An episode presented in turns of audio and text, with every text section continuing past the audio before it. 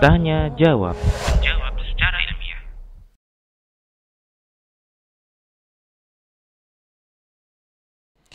Kemudian terkait dengan amal yang terus mengalir pahalanya kepada kita sekalipun kita telah telah meninggal, maka uh, tadi sudah kita bacakan beberapa darinya dari apa yang disabdakan oleh Nabi dalam hadis riwayat Al Imam Ibnu Majah. Ya. Tetap mengalir karena walaupun kita, bukan kita yang melakukan amal tadi, tapi kita sebagai penyebab amal tadi ter, terlaksana. Ya sholat.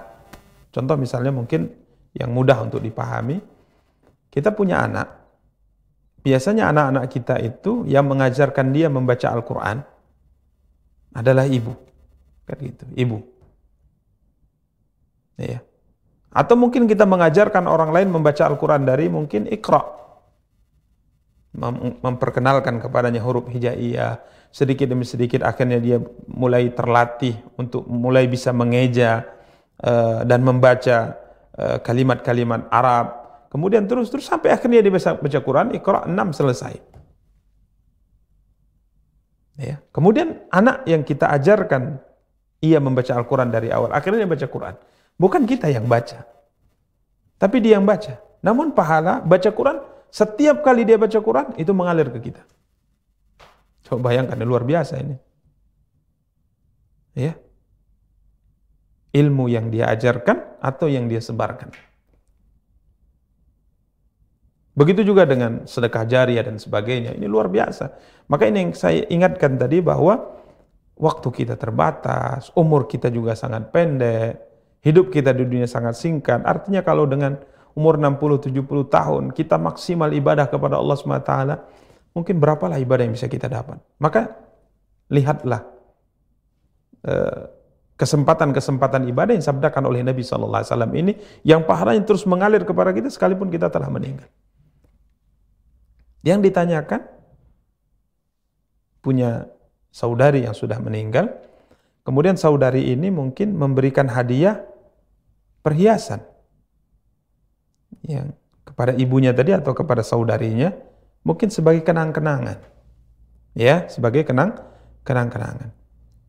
Maka dari sisi jenisnya, ya, emas itu dihadiahkan kepada ibu atau kepada saudari atau kepada siapa pun untuk dipakai misalnya. Dari sisi hadiah ini tentunya ini bukan termasuk amal yang mengalir. Pahalanya tatkala kita sudah meninggal. Ya. Tapi kalau yang dihadiahkan itu misalnya Eh, kalau dalam hadis tadi Quran, hadiahkan Quran. Karena dengan Quran orang beribadah. Tapi kalau dengan perhiasan kan tidak seperti itu.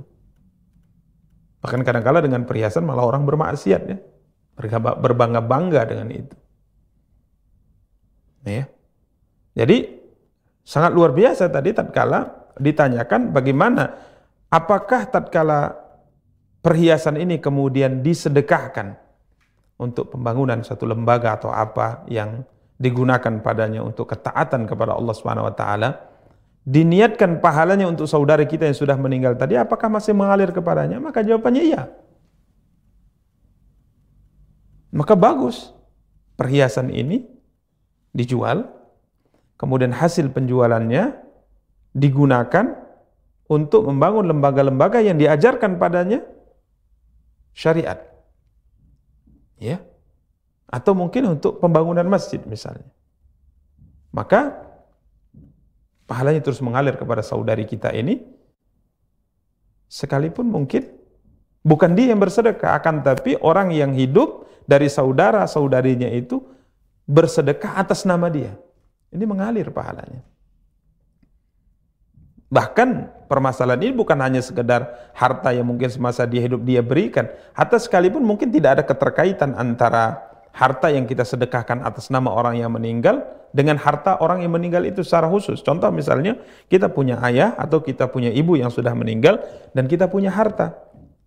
Kemudian kita bersedekah untuk pembangunan lembaga yang mengajarkan eh, kebaikan atau masjid atau yang lainnya atau mungkin kita beli Quran kemudian kita hadiahkan pahalanya kepada ayah dan ibu kita yang sudah meninggal ini mengalir pahalanya ya ini mengalir pahalanya. Maka Allah taala alam kalau seandainya memang uh, ingin uh, perhiasan ini pahalanya terus mengalir kepada saudari yang sudah meninggal tadi ya mungkin sedekah kan?